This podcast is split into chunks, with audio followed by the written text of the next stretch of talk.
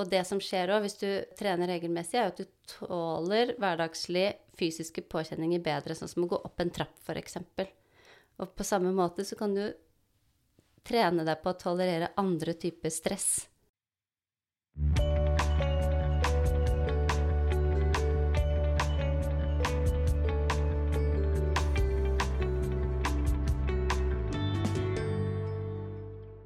Hjertelig velkommen til podkasten 'Leger om livet'. Mitt navn er Anette Dragland, og jeg jobber som lege. Jeg har laga denne podkasten fordi jeg ønsker å formidle god og nyttig kunnskap om eh, alt om eh, helse, kropp og sinn. Og det er jo så mye. Det er jo alt fra mat, søvn, tarmhelse, relasjonene våre, bevegelse Ja, det er mange tema. Og i dag så skal vi snakke om stress, og hvordan man kan håndtere stress på best mulig måte. Og med meg er jeg så heldig å ha psykiater Gunhild Melleby. Og Gunhild har vært eh, gjest hos meg tidligere. Og hun er en utrolig kunnskapsrik eh, dame som har jobba som psykiater i mange, mange år. Hun har også bakgrunn som eh, allmennlege, så hun er opptatt av å se liksom, helheten når det kommer til å behandle pasienter. Og i dag skal vi snakke om eh, stress og hvordan man kan eh, takle det best. Hjertelig velkommen, Gunhild. Takk for det, Anette. Hyggelig å være tilbake. Veldig hyggelig at du er tilbake i mitt uh, lille humble studio her på Fornebu. Mm, veldig koselig. Ja, hva er egentlig stress, Gunhild? Ja, hva er stress? Eh, stress er jo så mye, men i hovedsak så er jo Altså, stress er jo den kroppslige reaksjonen på at vi opplever enten en reell eller en opplevd hva skal jeg si, utenforliggende fare eller noe sterkt ubehag. Så, det er jo en kroppslig reaksjon. Og det er jo veldig mange forskjellige triggere som kan, som kan føre til uh, en sånn stressrespons, da. Og uh, stress i seg selv er jo ikke så farlig, egentlig. Vi snakker jo veldig ofte om stress som noe veldig negativt, men eh, stress er jo en viktig del av si, forsvaret vårt òg. Sånn at eh, hvis vi havner i løvens bur på, i dyrehagen, så, så, tror jeg alle vil oppleve stress, og det er jo naturlig. ikke sant? Vi får en sånn stressrespons. Og det som da skjer, er jo at vi Ja, du kan jo Bare du ser for deg det bildet, så tror jeg alle skjønner egentlig hva som skjer sånn fysiologisk i kroppen. Vi får høy puls, vi begynner å svette, vi blir klamme i hendene, vi får lyst til å løpe vekk derifra. Mm. Så stressresponsen er egentlig akkurat det. Den kom, men den kommer jo i forskjellige grader. Ikke sant? Det er jo ikke alltid at det er så akutt som, som når du faller ned i løvens uh, bur. Men, mm. men, det forklarer egentlig mm, litt sånn kort hva stressresponsen er. Og alle opplever vi jo stress hele tiden, hver eneste dag. ikke sant? Og det akutte stresset vi får, er jo ikke nødvendigvis veldig negativt. Det kan jo være bra også. Mm. Sånn. Mm. Og da Én ting er jo det at det kan få oss vekk fra farer, men la oss si du skal opp til en eksamen, da. Så er det jo veldig greit å ha en sånn stressrespons, som, for det driver deg jo frem. Eh, så stress det eh, holder deg ikke bare unna farer, men det gjør også at du jobber bedre der og da. Ja. Fordi at faren da er jo at du ikke skal prestere godt på eksamen. Ja. Så du pusher deg selv til å jobbe hardt. Du får økt fokus. Så adrenalinet gjør at du får bedre fokus, du får mer energi, du jobber bedre der og da. Mm. Eh, problemet oppstår jo bare når dette står over lang tid, og du ikke ja. får hvile imellom. Men det er et ja. godt poeng, for jeg tenkte mm. før at det var når jeg var stressa når jeg sto på scenen, at dette var skikkelig dårlig for meg. Jeg måtte mm. være rolig. Men det gjør, kan jo gjøre deg skarp ikke sant? hvis ikke mm. stresset tar helt overhånd, og det er jo mm. noe annet. Mm. Men eh, litt stress er bra. Um, men hvordan påvirker stress oss i, på lang sikt? Mm. Når vi går og er stressa over lang tid? Mm. Ja, og det er jo det som eh, Da kommer vi inn på det som gjør at stress er negativt, da, og det stresset vi ikke ønsker å ha for mye av, er jo det stresset som er eh, mer kronisk eh, arta. Og da eh, Det tror jeg de fleste kanskje har kjent på hvis de går over en lang, lang tid med mye stress i kroppen, at de kan bli slitne og ikke føle seg så bra. Og det er vanskelig å glede seg over ting og i det hele tatt. Og det er jo gjort noen studier på det også, i forhold til eh, stress og, og, god helse. Og jeg så en sånn metaanalyse, altså hvor de hadde gått gjennom ganske mange forskjellige studier. Kanskje 80 forskjellige studier, eh, hvor de hadde sett på sammenheng mellom kortisolkurven, altså det stress, stresshormonet vårt heter jo kortisol, og det, det går jo opp og ned, fluktuerer opp og ned i løpet av døgnet.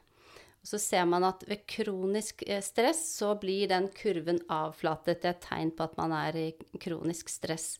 Og den studien så på sammenheng mellom avflatet kortisolkurve og forekomst av fysisk og psykisk sykdom. Og den var signifikant. Altså det var eh, en betydelig sammenheng mellom det. Så man tenker at stress over tid, det påvirker oss både fysisk og psykisk. Og det er gjort flere studier på det, uten at jeg skal nevne så mange her, men, men uh, de fleste har jo hørt at liksom, stress kan føre til magesår, f.eks. Nå vet vi at det er jo ikke eneste årsaken, for det er jo en bakterie inne i bildet, og det er jo andre faktorer. Men ofte så kan stress være med på å forverre sykdom, eller å sette i gang sykdom. Mm. Og det ser man jo også ofte, spesielt i psykiatrien, da hvor jeg har jobbet mye, at uh, pasienter med, med kroniske psykiatriske lidelser Eh, sånn som f.eks. bipolar lidelse eller schizofreni. Eh, ja, i hvert fall eh, de. Det er jo sykdommer som går litt i faser, det òg, hvor man er, har stabile faser hvor man fungerer ganske bra, og så får man en dårligere fase hvor man blir syk og kanskje må inn på sykehus. Mm. Og det utløses veldig ofte av stress. Sånn at Av forskjellige typer stressorder, da. Og det kan jo være type søvnmangel er jo helt veldig, veldig vanlig at søvnmangel kan, eh, kan forverre mm. Eh, sånne typer lidelser. Men også emosjonelt stress, altså stress eh, som oppstår i hjemmet, ikke sant. Altså mellom eh, ja. Relasjoner. Relas I relasjoner, ja, ja. rett og slett. Mm. De, de, de, forholdene som man ikke vet når tar slutt, mm. de er jo virkelig ikke bra for oss. Nei. Så det er jo grunnen til at vi, eh, sånn som i det teamet jeg jobbet før, hvor vi jobbet med psykoselidelse, så hadde vi jo sånn tilbød vi familieterapi. Nettopp for å lære familien hvor viktig det er å ta hensyn til dette med emosjonelt stress. ikke sant? Mm. At man prøver å ha det så si, rolig og fint som mulig hjemme, da, og ikke prøver å kontrollere sinne eller andre ting sånn for å Ja. Ja. Skjønner. At, eh, at, man ikke skal bli unødvendig for mye stressa hjemme. At man planlegger godt og ja. Men har det, føler du at det har blitt mer stress de siste ti årene? Er det noen mm. studier på dette? Du, det har jeg ikke funnet noe studie på, egentlig, om det har blitt mer. For det er, det er jo vanskelig å Kanskje du vet om det, men, men jeg tenker at vi har jo alltid hatt stress i livene våre. Men fordi at man tenker at kanskje sånn Hvis man går 1000 år tilbake, da, at, mm. at, man ikke hadde så mye stress. Men jeg tenker at man hadde jo mye stress den gangen òg, mm. eh, bare at det var på en helt annen måte. Så jeg tror at stresset, eller stressordene, altså det som stresser oss, har jo endret seg. Og jeg tror, og dette er bare hva jeg tror, og hvordan jeg tenker, er jo at før så var det kanskje større stressorder, ikke så ofte. Uh, I hvert fall hvis man går 1000 år tilbake, så var det mm. mer uh, villdyr og, og, sånne ting. Eller at man uh, Matmangel, matmangel og ja. krig og ja. Mm. Større kriser, kanskje. Mm. Selv om vi har jo det i dag òg, men nå snakker jeg om vi som bor trygt her i Norge. vi har jo ikke de alvorlige krisene som mange av oss, vi, men vi har jo flere av de mikrostressordene, hvis vi kan si det sånn. Vi får hyppigere stress inn i livet vårt, da, men liksom mindre grad av stress, hvis det ja. gir mening. Ja, for vi får ikke de der veldig store at man eh, ikke vet om man har nok mat til barnet mm. sitt i morgen. Men, mm. men, vi har dette lavgradige stresset hele tida. Mm. Man stresser på vei hjem fra jobb for å hente barn i barnehage. Man er, mm. har alltid dårlig samvittighet for at man ikke strekker til verken på jobb eller på trening eller til mm. barna sine. Det er veldig mye som skjer i livene våre. Mm. Og så får vi jo også veldig mye informasjon. Det gjorde man jo ikke før i tida. Man fikk ikke så mye informasjon hver eneste dag. Mm. Og hva skjer når man er stressa? Jo, man ønsker å unngå stresset, mm. så man ser i en skjerm på TV eller på mobilen, og prøver å finne en måte å stresse mindre på. Men det viser at det er ikke mindre stress for hjernen om du ser på TV eller scroller på mobilen. Det er bare masse mer inntrykk for hjernen. Ja, det er veldig stressende for hjernen. For at hver gang når du scroller nedover på Instagram eller Facebook, så hver eneste nyhet eller nye post som kommer ut, er jo en sånn liten sånn pjo, pjo, som Trigger. trigger, som gjør at man på en måte Ja, hjernen hviler ikke. Vi får ikke Så det som er annerledes nå i forhold til ti år tilbake, som du spurte om, det er jo nettopp det at at man har mer av de mikrostressorene, og så har man mindre av disse naturlige pausene. Den sitte og kjede seg og vente på noen, på en måte. Så hvis du måtte vente på meg i dag, jeg vet ikke hva du gjorde, men, men, eh, men når vi sitter og venter på noen, da, så er det Ja. veldig naturlig å ta opp telefonen sant, og scrolle litt, for da kan jeg få unna litt, eller jeg kan bare egentlig bare ha noe å gjøre, ikke Ja. Vet du hva? Jeg snakka med ei som heter Karen, som er bak en konto som heter Fattig student. Hvis dere ikke har sjekka den ut, så må dere gjøre det. Utrolig flott dame. Og hun hadde lært av sin svigermor at hvis du står opp én time tidligere og bare drikker kaffen din og er i nuet, så vil du føle deg så mye bedre, og du vil bli mer kreativ. Så hun hadde begynt med det for noen år siden. Hun sto klokka seks, og fra seks til syv, før noe annet skjedde, så bare satt hun med kaffekoppen, og gjør det fremdeles, og bare ser utover, mm. ut av vinduet og bare zoomer ut. Og hun sier det har så utrolig god effekt på hennes psykiske helse. Og hun føler òg at hun blir mer kreativ i prosessen. For hun har- tillater seg ikke å høre på musikk, hun tillater seg ikke å se på noe. Hun skal bare sitte i samme stol. Og det blir jo en sånn meditativ til tilstand. Ja. Jeg sa til henne det der skal jeg jammen meg prøve noen dager. ja. Det er kjempebra. Og jeg, jeg har eh, lest om det også, at, at det å sitte bare og stirre ut av vinduet eh, Jeg husker ikke hvor jeg leste det, men at det var anbefalt å gjøre det i hvert fall sånn 20 minutter om dagen. At du bare liksom sitter og stirrer. Sånn gjør vi jo aldri lenger. Ikke sant? Men før så gjorde man jo det med kaffekoppen, akkurat sånn som hun forklarer. Ja. Fantastisk. Det er et sånn mål jeg har, ja. har eh, fremover, at jeg skal bruke mer tid. For jeg bruker jo tid på meditasjon. Ja. 10-20 minutter hver dag. Ja. For det er et sånn mål. ikke sant? Da, da vet jeg at meditasjon er bra for meg, og derfor kan jeg gjøre det. Men jeg tror jeg blir veldig sånn eh, jeg vet ikke, kanskje rastløs hvis jeg sitter og bare skal se ut og se på fuglene. Liksom. Det, Ja. det er ikke noe jeg er vant til. Så jeg tenker at det er en veldig fin måte å utfordre meg selv på. Og faktisk ta meg tid til å bare se ut og ikke gjøre noe. Er det noen studier som viser at sånn her er bra? Det er det helt sikkert.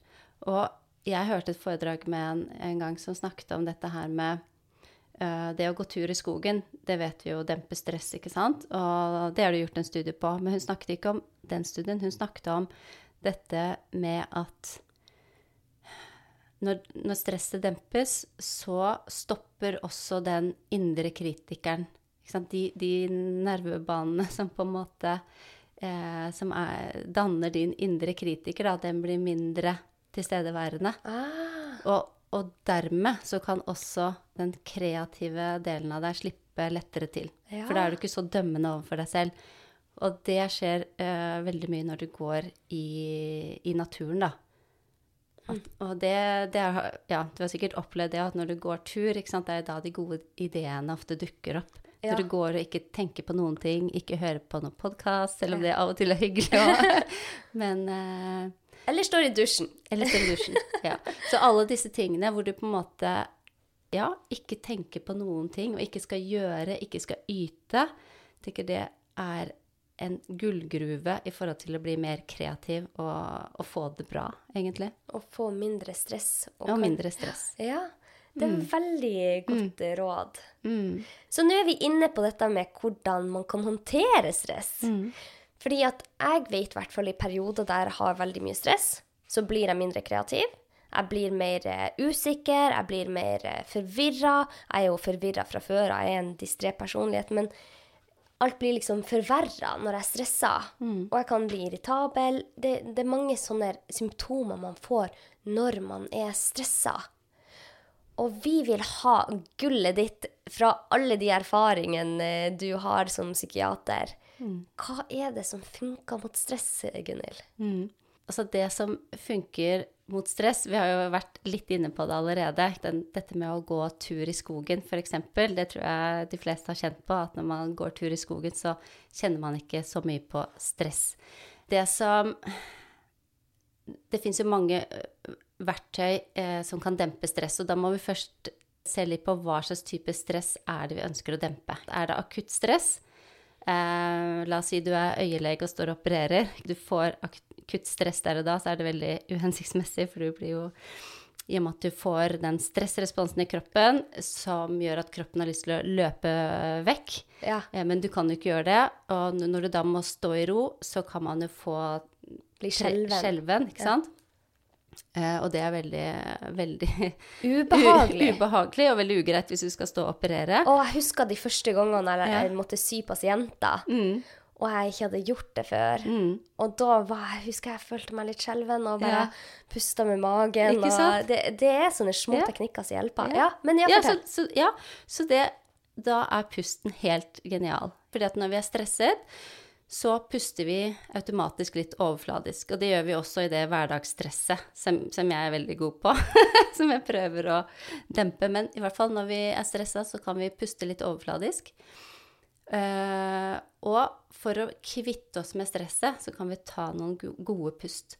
Og det uh, er det en, uh, en som har forsket mye på dette med stress og pust og pust og følelser. Det er en som heter Jack Feldman fra UCLA, sier man det på norsk? Ja. Jeg ikke.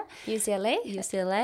Uh, og det er veldig uh, fascinerende. Han har mye gøy å komme med, men Ja, han har det. Ja, ja, du har hørt om Ja, han? ja, ja. Så kult. Men han snakka i hvert fall om dette her med the physiological sigh. Altså hvordan vi sukker. Og det er jo noe som vi gjør automatisk. Uten å kanskje komme for mye inn på det, men f.eks. hvis vi gråter, da, da kommer den fysiologiske sukket eh, helt naturlig. Vi gråter og gråter og gråter, og så kommer det sånn Den Ja, pusten der. ja. Ja, det er sånn fysiologisk sukk.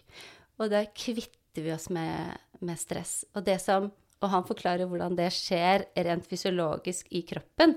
Og det er det at når vi har pustet litt overfladisk eh, en stund, så kollapser sant, disse her nederste luftballongene, helt nederst i lungene, de kollapser, for vi trekker ikke pusten helt dypt ned.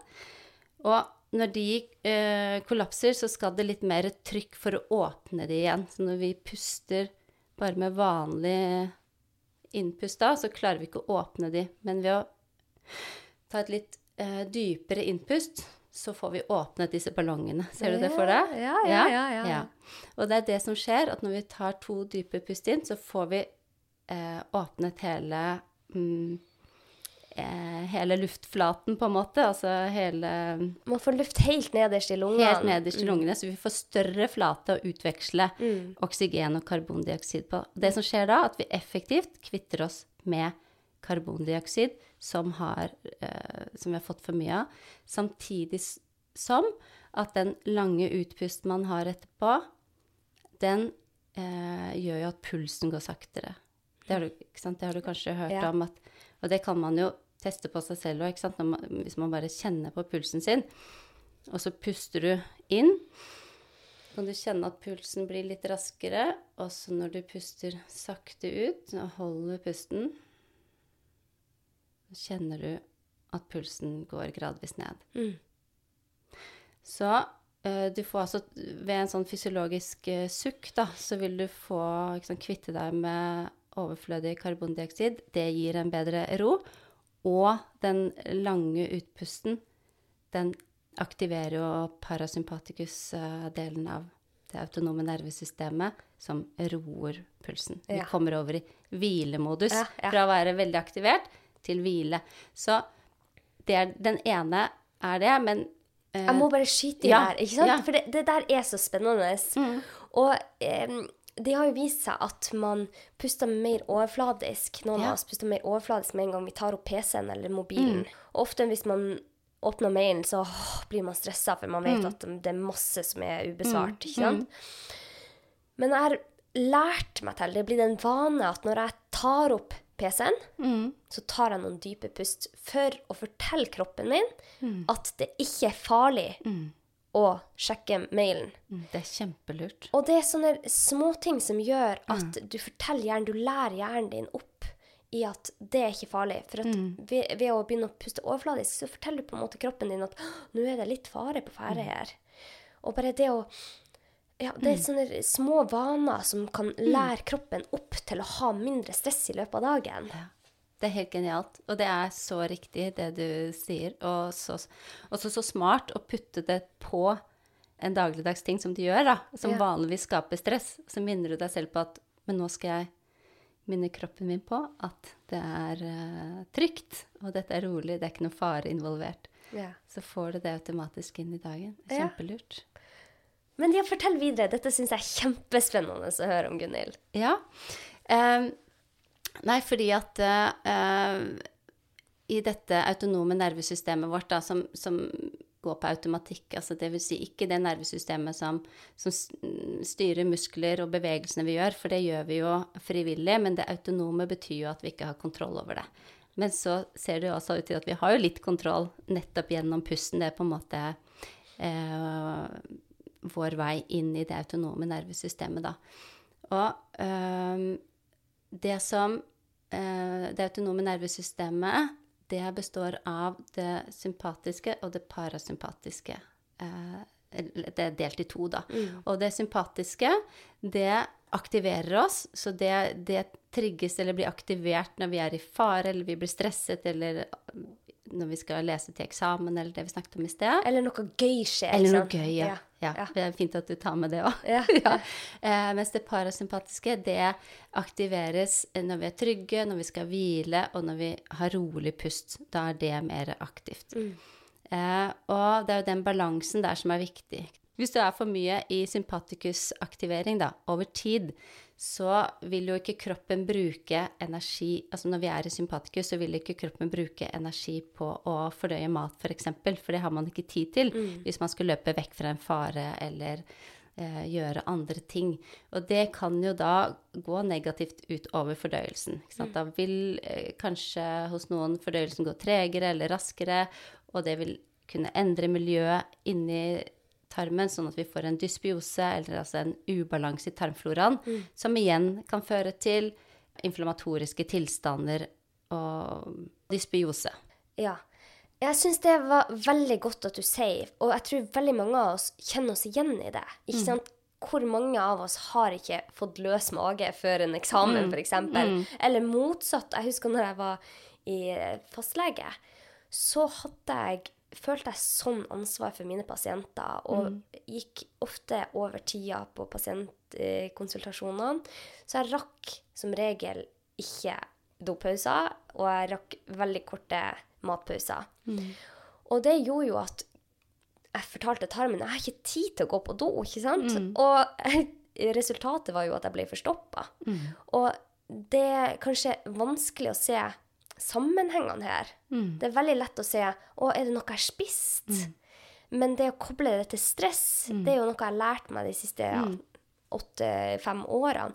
Og alt er så, det er et så intrikat samspill mellom alt som skjer, og alt vi tar inn over oss av inntrykk og mat og stress. Og Alt henger sammen med alt. Ja, det gjør det, og det er derfor jeg er så opptatt av stress også. Ofte så snakker jeg veldig mye om kosthold, ikke sant? Men, for det er jo også viktig. Eh, men som du sier, veldig mange tenker at når de har et mageproblem, sånn som du sa, med forstoppelse f.eks., for eksempel, så lurer de på hva er det jeg har spist. Ofte så kan det jo være noe man har spist, og som man kanskje ikke bør spise, eller noe man bør spise mer av. Men ofte så handler det jo nettopp om stress. Man spiser, eh, men så klarer du ikke å fordøye maten. Så er det stresset som skaper den opplevde matintoleransen hos veldig mange. Så hvis man opplever mye matintoleranser, så kan det være lurt å jobbe med stress også. Fordi Ja. at eh, eh, For kanskje er det eh, noe av løsningen. Eh, Ja, jeg er så glad for at du sier dette, Gunhild. eh, At, mm, ja, også at studiene viser det her. At man, man ser til at forskninga støtter opp under at det er så mange ting som påvirker tarmen vår. Og det er litt interessant, jeg vet ikke om du har lest i bøkene til han Emeron Meyer. Nei? Han er eh, gastroenterolog. Han har skrevet i hvert fall to bøker som, som handler om, uh, mye om tarmen, da. Oh. Eh, og den ene heter The Mind-Gut Connection, og den neste Den har du tipset Ja. meg om før. Jeg må få lest den der Ja, boka. Ja. Og den neste heter The Gut Immune Connection. Så det snakker om alt dette her, hvordan dette henger sammen. Ja. Og han uh, viser til dette med irritabel irritabel tarmsykdom og angst, og at de er veldig tett knyttet sammen. Og i, hos mange, ikke alle med disse lidelsene, men hos mange, så er det to sider av samme lidelse. Så det er en helt sånn ny måte å se på det på. Og eh, så irritabel tarm kan være pga. angst, eller angsten kan være pga. irritabel tarm, eller det kan Skjønner du? Ja. Altså, det, forst- det er på en måte litt sånn selvforsterkende. Ja. Og at man kanskje ofte må angripe det fra begge sider, da, for Ja. å komme i mål. Ja, nettopp. Så det, det er litt så spennende. Mm. Og det ser jeg jo, det har sikkert du sett veldig mye hos dine pasienter. Veldig mange av mine pasienter som har slitt med magen over tid, kan utvikle eh, nervøsitet, angst, depresjon. Og så motsatt så ser jeg at veldig mange av pasientene mine som har slitt med depressive tanker eller angst, når man går inn på det og spør dem, så har de òg mageproblemer. Mm. Så det er, det er jo en eh, korrelasjon der som eh, sikkert er ganske Som nok er ganske sterk. Mm. Absolutt. Så Nei, og så spurte du meg jo egentlig om hvordan vi skulle håndtere stress. Det var jo det vi begynte å snakke om. Og så var vi inne på hvordan håndtere akutt stress. Og så eh, tenkte jeg, siden vi er inne på dette nå, da snakker vi mer om sant, kronisk stress. Og hva, hva kan man gjøre da? Og så snakka vi om det at pusten um, ofte er litt overfladisk når vi stresser. Så hvis vi er kronisk stressa, så vil vi kronisk også ha, eller i hvert fall store deler av dagen, da, ha ugunstig pustemønster. Og det pustemønsteret, som du som, så vidt var inne på, det kan jo stresse oss. Så stress gir jo overfladisk pust, og overfladisk pust forteller kroppen også at jeg er i fare. Sånn som du sa i, i forhold til den eh, å åpne e-mailen.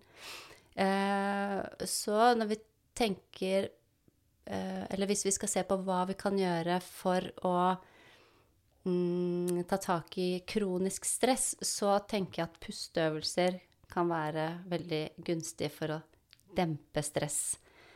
Eh, Og det høres så kjedelig ut. og Jeg husker Ja. sånn der en, Å, bare pust med magen, og, og Så tenkte jeg, hva har det å si? Ja. Men så ser man jo hvor effektivt det er. Mm. Ikke bare vis forskning av det, men det skal ganske lite til for at du Mm. merker det på egen kropp, og du kan bare kjenne etter pulsen Mm. hvor mye saktere den går etter to minutter med pusteøvelser. Ja. Det er helt utrolig. Så det, blir, det gir jo en akutt effekt. Og når man gjør det regelmessig, så får du også effekten over lengre tid. Ikke sant? Da Ja. forebygger du litt.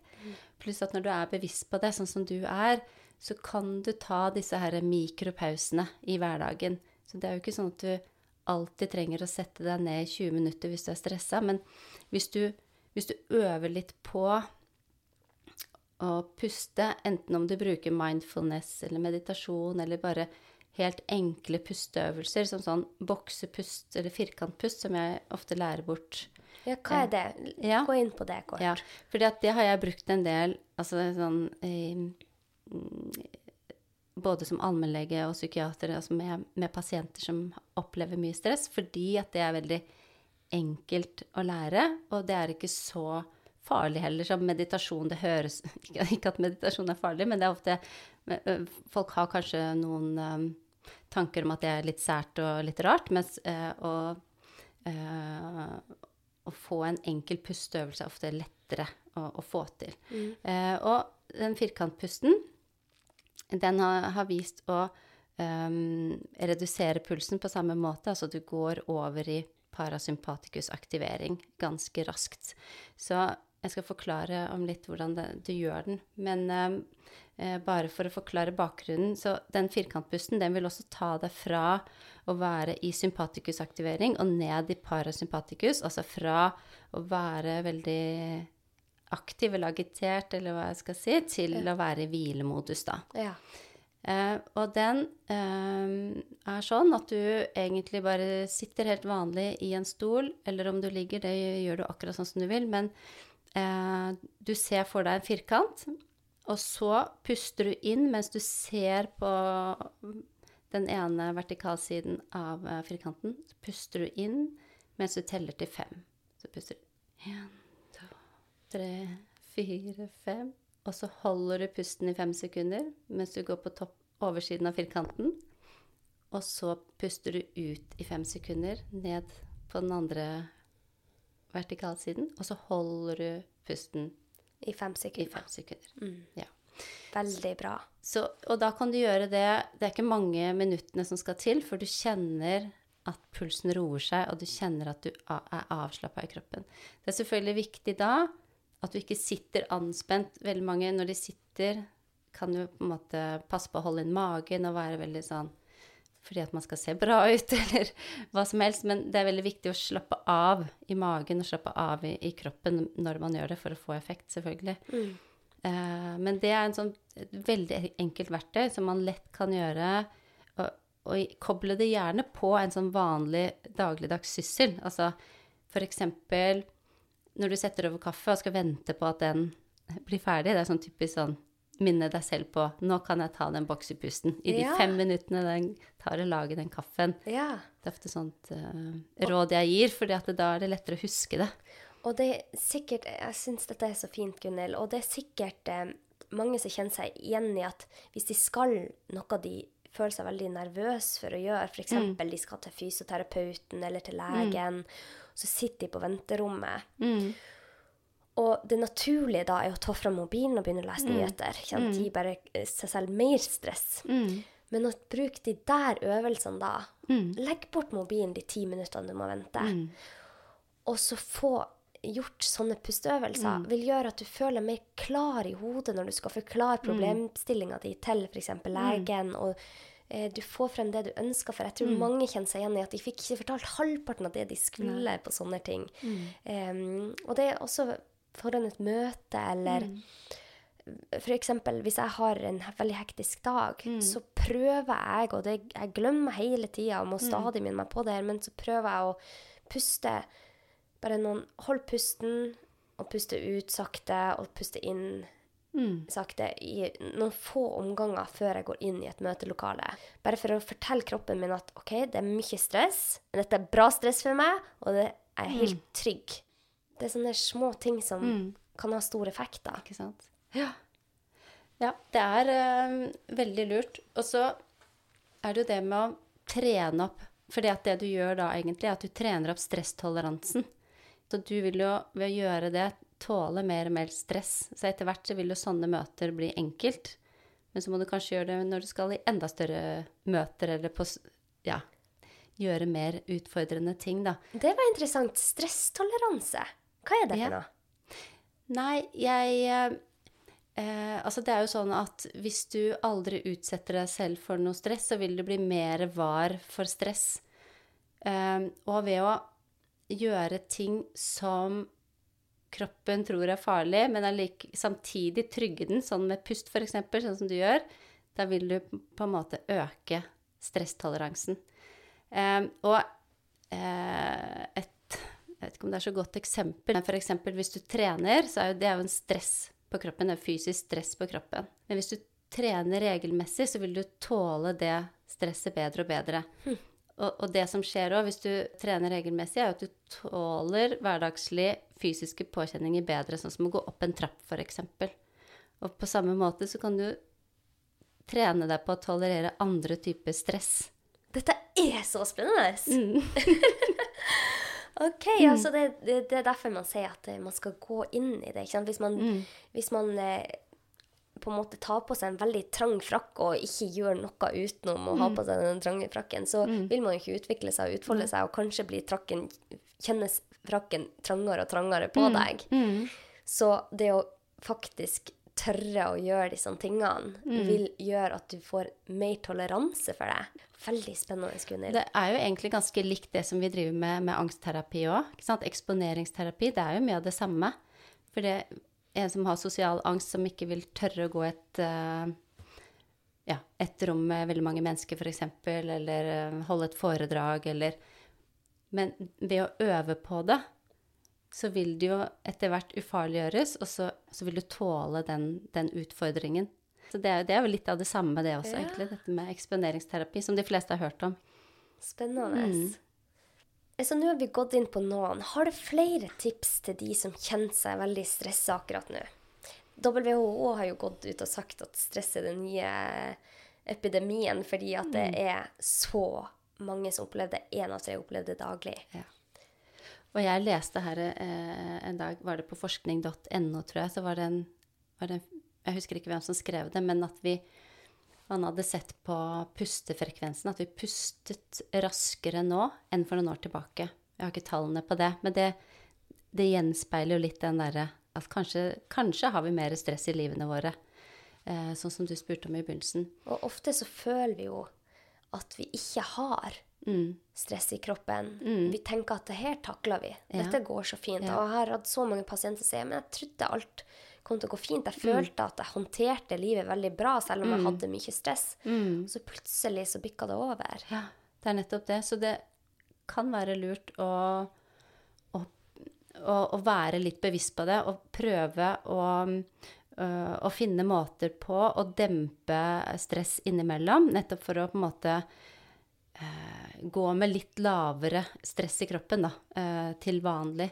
Eh, og prøve å kvitte seg med det hverdagsstresset. Sånn, eh, og det er mange måter å håndtere stress på.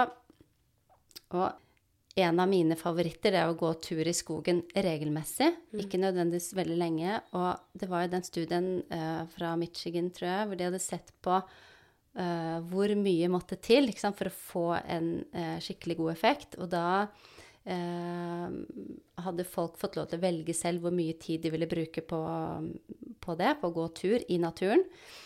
Og da landet de på at et sted mellom 20 og 30 minutter tre dager i uka ga veldig god effekt på å dempe kortisolnivåer i kroppen. Mm.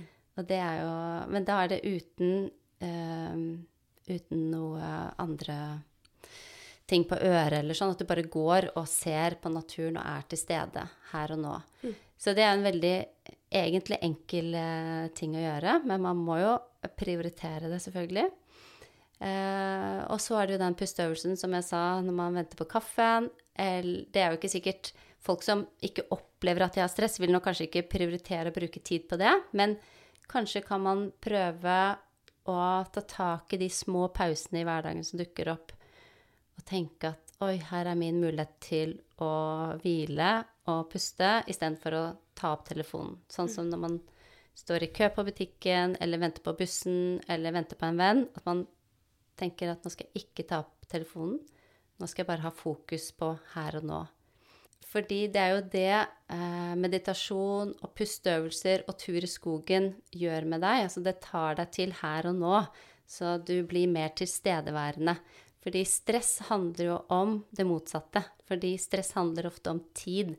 At du tenker at du skulle ha vært på et annet sted, enten at du er for sent ute, eller at du har ikke nok tid til å lese på den eksamen, eller du, du er redd for det som skal skje i fremtiden. Når den eksamen kommer, det kommer til å gå kjempedårlig, og da kommer jeg til å føle meg så dum, og eh, hvis jeg stryker, så sånn og sånn. Det er jo hele tiden eh, stress og angst. Det handler jo om et tidsperspektiv. Altså enten at man tenker på noe som har vært, eller at man frykter noe som kommer. Ja.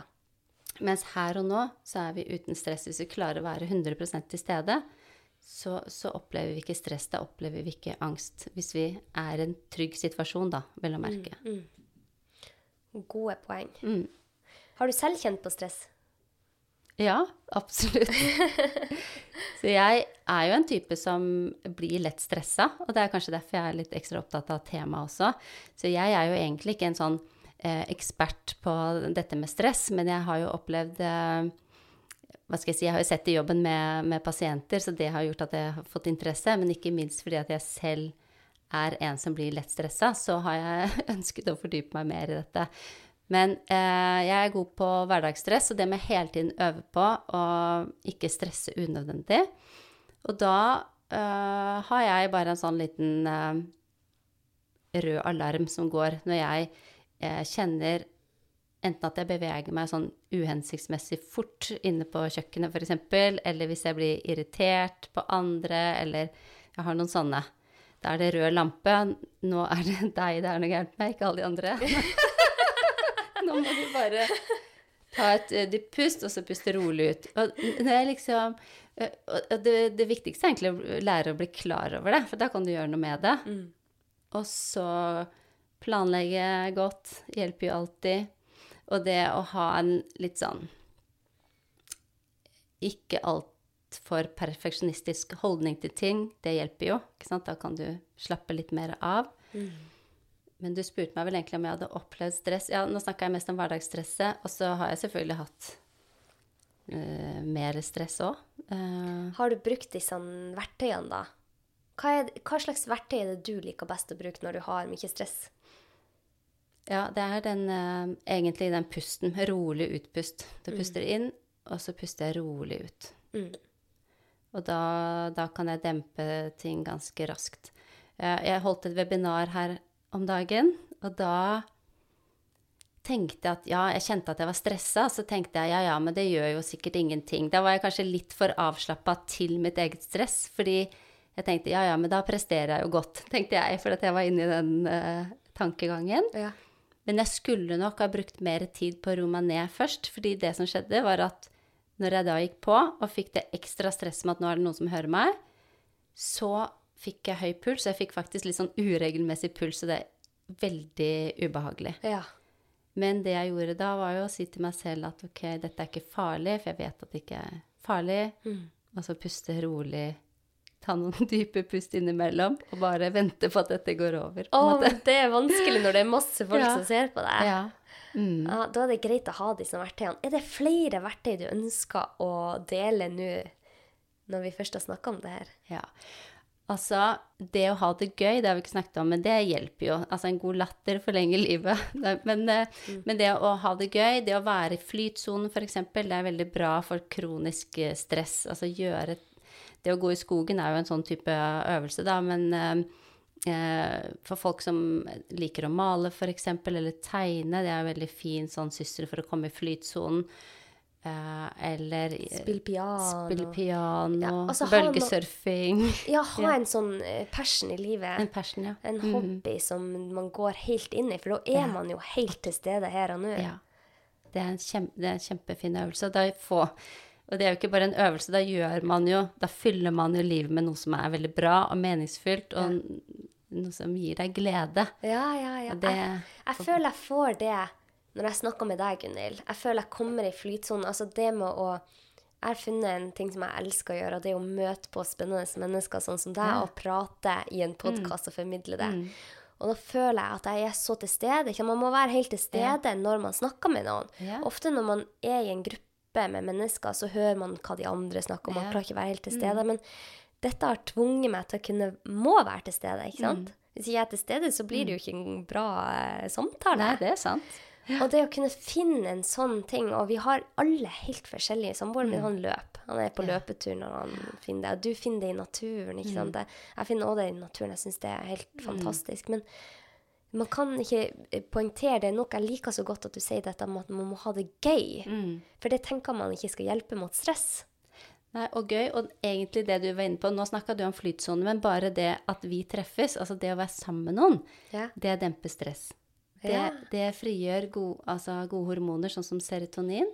Det demper stresset i kroppen vår. Mm. Eh, så det er faktisk veldig effektivt. Så det å sette av tid til å være sammen med noen mennesker som betyr noe for deg, hvor du har det godt, og hvor du slapper av, det er også veldig bra for å håndtere og forebygge stress, da. Mm. Mm.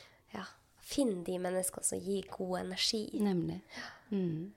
Nå har vi vært inne på så mye bra. Har du noen siste tips til lytterne mine som kjenner at de ikke er i flytsonen, og at ting butter litt, og at de føler seg ekstra stressa? Mm. Jeg tenker at uh, fordi dette, med, dette som vi har snakket om nå, det handler jo om livskvalitet. ikke sant? Og alle, ønsker vi jo å få bedre livskvalitet. Og det å kvitte seg med unødvendig eh, uhensiktsmessig stress i hverdagen, det er Da vil vi få det bedre. Og hvis du ønsker det, så tenker jeg bli litt oppmerksom. Når er det du stresser? For det er kanskje, kanskje man ikke er oppmerksom på det engang. Uh, og se om du kan dempe det. Finn dine ting ut ifra hva vi har snakket om i dag, som kan hjelpe. Hva er det du ønsker å bruke tid på i livet? Prioriter tid til det. Altså de, til hobby, til å være sammen med venner, og til å jobbe med det man ønsker med, f.eks., men legge inn disse pausene. Jeg tror egentlig det må være et uh, råd. Mikropauser og lange, gode utpust. Det var et mm. godt slogan, eh, Gunhild. Mm. Mm. Tusen hjertelig takk for at du tok deg tid til å være med i podkasten min igjen, eh, Gunhild. Jeg er så mm. glad for å dele din kunnskap. Og hvis dere ønsker å nå hun, Gunhild, så når dere henne på Dr. Gunhild på Instagram og Facebook. Og så har hun en eh, nettside som heter Dr. Gunhild, og der har hun masse bra informasjon og kurs og webinar hvis dere ønsker å ta det. Og ja, med det så sier vi takk for oss, gjør vi ikke det? Det gjør vi. Og hvis dere ønsker noe med, så når dere meg på doktor Anette Dragland på Insta eller Legger om livet på Facebook. Og eh, hvis du tror at denne episoden hadde vært nyttig for noen, eller du tenker at det er god kunnskap å dele, så send den ut. Det er sånn vi får delt denne kunnskapen. Ha en kjempefin dag. Ha det godt. Ha det bra.